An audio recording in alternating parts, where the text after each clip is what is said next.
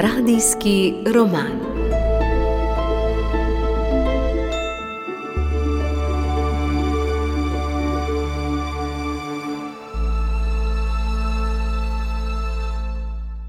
Pozdravljeni in dober večer v radijskem romanu.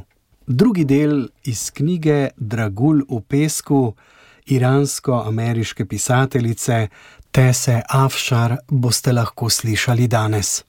Roman temelji na resničnih dogodkih, ki so opisani v svetem pismu, na opisu bitke Izraelcev za mesto Jeriha, pri kateri sta ključno vlogo odigrala vlačuga Rahaba in veliki božji čudež. Prejšnji teden smo spoznali, kako je bil Rahabin oče zaradi velike suše prisiljen svojo hči nameniti za prostitutko. Kananci so poznali dve vrsti prostitutk. Prva je bila tempelska, druga običajna. Obredna tempelska prostitutka je bila nekaj bolj zaščitena, zato se je oče odločil, da bi jo prodal v tempel, a Rahaba se s tem ni strinjala. Zakaj bomo slišali v začetku današnjega dela radijskega romana?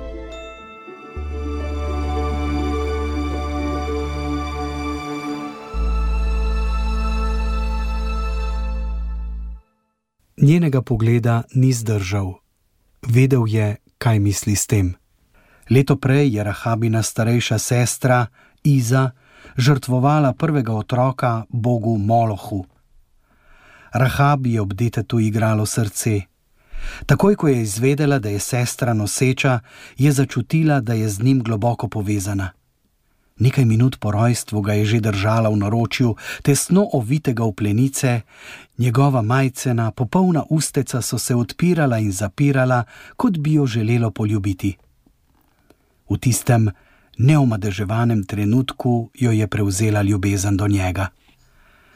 A njena sestra si je želela denarne varnosti, sita je bila revščine, zato sta z možem Gerazimom sklenila, da bosta sina žrtvovala Molohu v zameno za njegov blagoslov.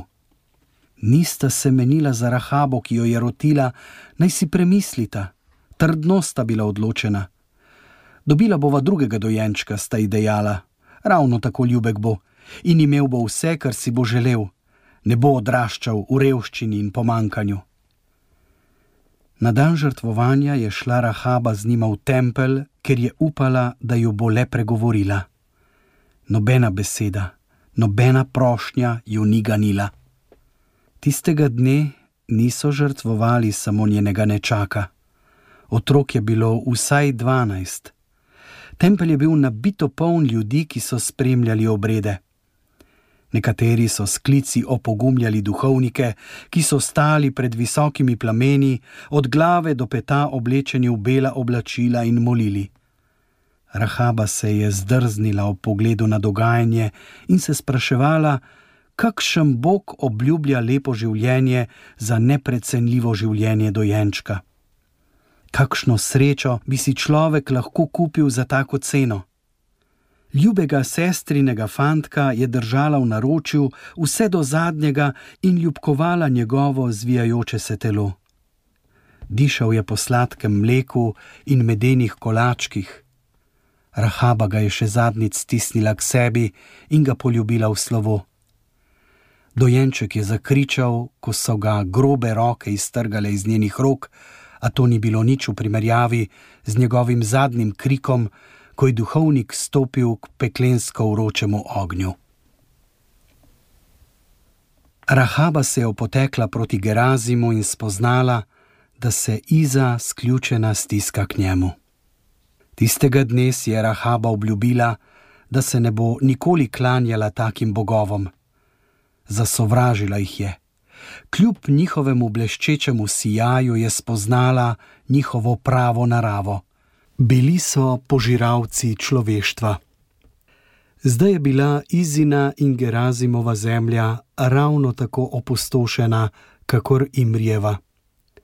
Moloh jima je naklonil res velik blagoslov. Ona ga zanj ne bo prosila, ne, tempelj ni bil za njo. Rahaba jo je rotil oče in si grizel že tako na zobčen noht. Pomisli na to, kako bo živela zunaj templja, mlada si in tega še ne razumeš. Ni šlo za to, da je ne bi bilo strah. Življenje prostitutk zunaj templja je bilo trdo, tvegano in sramotno. A bala se ga je manj kot služenja kananskim bogovom. Oče, prosim, ne vem, ali bom lahko preživela tempelsko življenje. Hčere naj bi brez oklevanja ubogale starše. Njeno ugovarjanje in prošnje bi si lahko razlagal kot neobogljivost. Na silo bi jo lahko odpeljal v katerikoli tempelj in jo prodal, ne da bi lahko kaj izbirala. Rekla si je, da se njen oče ne bi zatekel k takšnemu ravnanju, potem pa se je spomnila, da si je ravno prejšnji večer zagotavljala, da je nikoli ne bi prosil, naj bo prostitutka. Tla pod nogami so se ji do dobra zatresla, gotovosti ni bilo več. Karem, ki je vstopil v hišo sredi pogovora, je izbruhnil: Oče, tega ji ne moreš narediti, uničilo jo bo. Imri je nepotrpežljivo zamahnil z roko. Si se morda ti spomnil česa, s čimer bomo lahko družino preživljali po zimi? Si se dogovoril za delo? Si podedoval kaj po bogatem stricu, za katerega še nismo slišali? Ne, vendar še nisem izčrpal vseh možnosti. Še druge službe so, druge možnosti. Ko je brat podprl Rahabo, je upanju poskočilo srce, a to upanje je hitro zamrlo, ko se je oče odzval na njegove besede. Ko boš spoznal, da nimaš razloga za samozavest, bosta tvoja lepa nevesta in nerojeni otrok umrla od lakote. Rahaba je naše edino gotovo sredstvo za preživetje, naše edino sredstvo, je ponovil z okrutno gotovostjo. Karem je pobesil glavo in obmoknil. Rahaba se je sesedla na tla, ulile so se ji solze. Imri je šel na drugo stran sobe, sedel v kot in se odsotno zazrl predse. Nobeden ni več spregovoril, neizrečene besede pa so jih ločevale. V tisti tišini je Rahaba začutila, kako med njo in očetom raste nevidni zid, neosvojljiv kot obzidje njihovega mesta. Zazdelo se ji je, da sta z očetom obtičala v občutku sramu. On zato, ker se ji je izneveril kot oče, kot zaščitnik, ona pa zaradi tega, kar naj bi postala. Njegova izdaja jo je povsem ohromila. Njeno srce je zajel občutek osamljenosti, ki je bil mračnejši od vsega, kar je izkusila v življenju. Počutila se je, kot bi jo zaprli v grobnico in jo zapečatili. Na koncu Imri ni mogel odkloniti hčerine edine prošnje. Vendar pa ga je rahabino zavračanje, da bi šla v katerega od templjev, postavilo v kočljiv položaj. Kako naj bi našli stranke? V templju je bilo to preprosto. Ker pa je Rahaba to želela storiti drugače, nobeden izmed njih ni vedel, kako bi se tega lotili.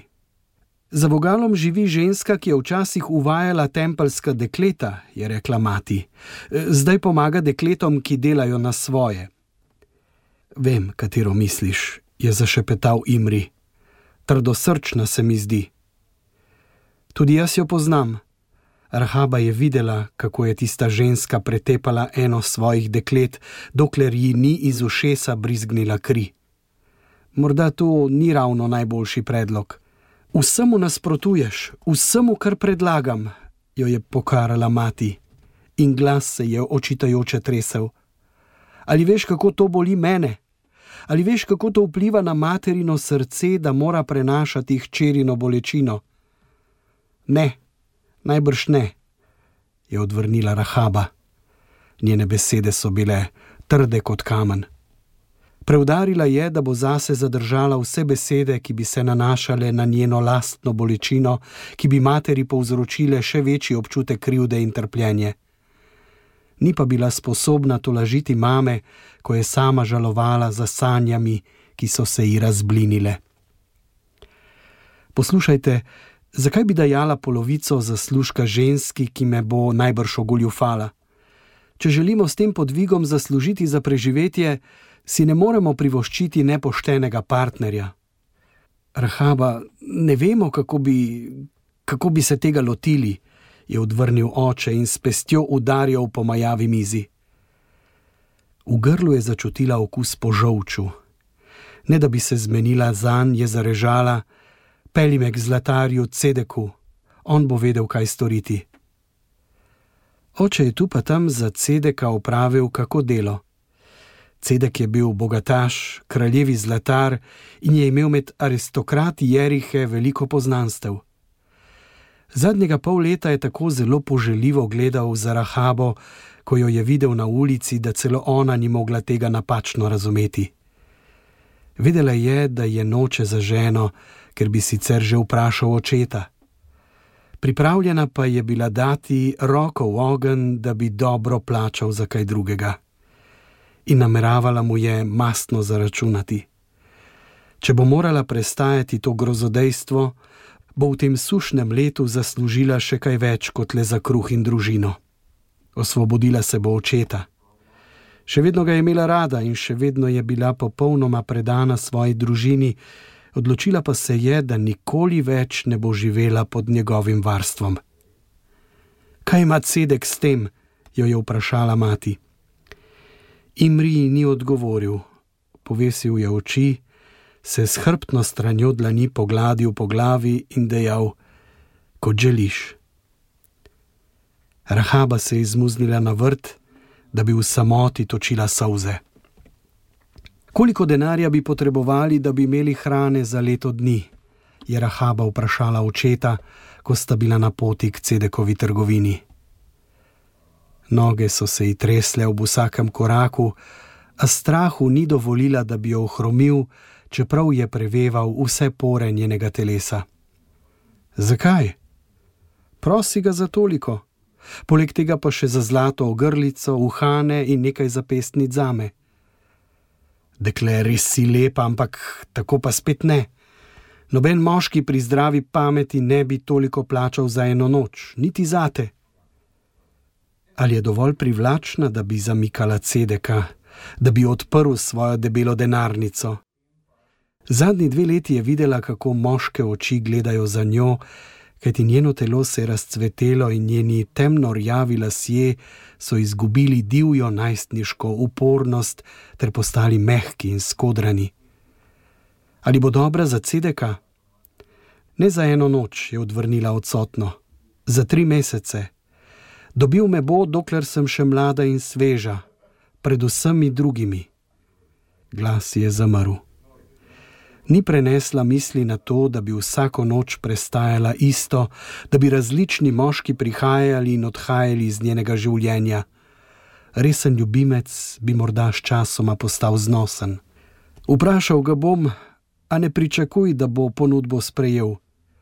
Ponudba je zelo dobra, sprejel jo bo, ne pozabi, tri mesece in niti dneva več. Oče jo je gledal, kot bi jo videl prvič. Morda jo je res še sama se je komaj prepoznala. Cedek je bil obilen mož trlečimi prednjimi zobmi. Bogato se je oblačil in njegovo telo je krasilo zlato, prstani na bradi in elegantni pasovi na tkanih čevljih.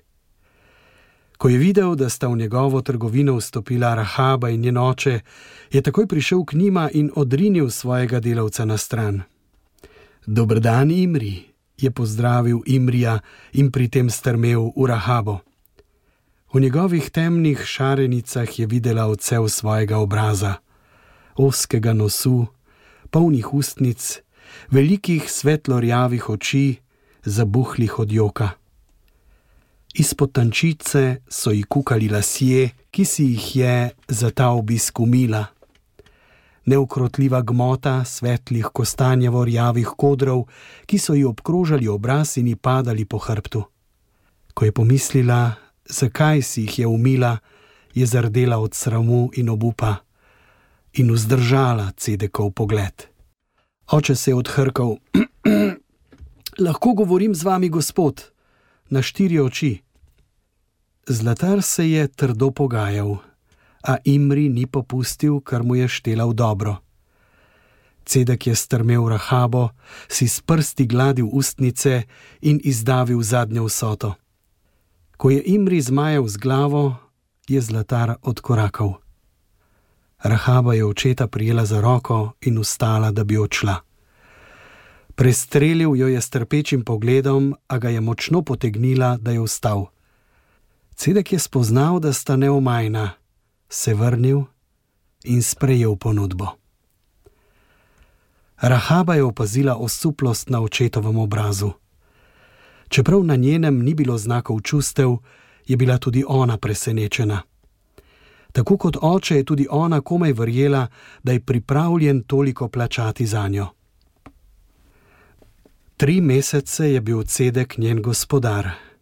Všeč mu je bilo, da ni vedela ničesar.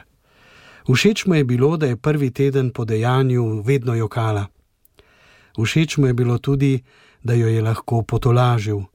Do nje ni bil krut, nikoli je ni udaril ali zlorabljal. In če jo je kdaj stresalo od gnusa do sebe in njega, mu tega ni pokazala. Ko so minili trije meseci, je dal vrečo polno zlata. Poleg vsega, kar je zahtevala, je navrgel še par nožnih obročkov. Ko je preštela zlatnike, je spoznala, da je plačal preveč. Sklepala je, da se je zmotil. Gospod je dejala: Preveč si mi dal. Ali moja mala rahaba zavrača denar? Svojih strank ne goljufam.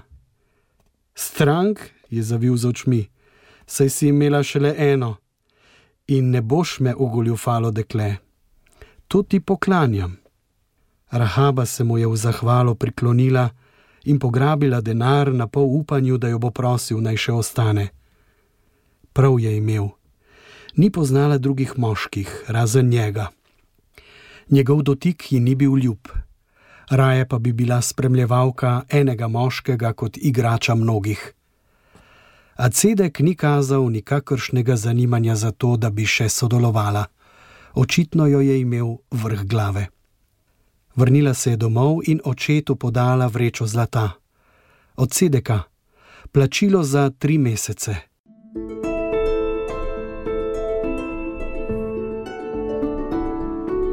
Radijski roman. Drage poslušalke in dragi poslušalci radijskega romana, slišali ste drugi del iz knjige Dragul v pesku iransko-ameriške pisateljice Tese Afšar. Ta je zapisala že deset romanov, ki so išli tudi v slovenskem prevodu. Za slovenski trg jih je izdala založba Družina. Radijskemu romanu lahko prisluhnete tudi na zahtevo. Posnetke dobite v našem audio arhivu. Prihodni teden v tretjem delu pa bomo že prisluhnili, kako je Rahaba prvič slišala za Izraelce. Lepo vabljeni k poslušanju. Nocoj sem bil z vami, Jože Bartol.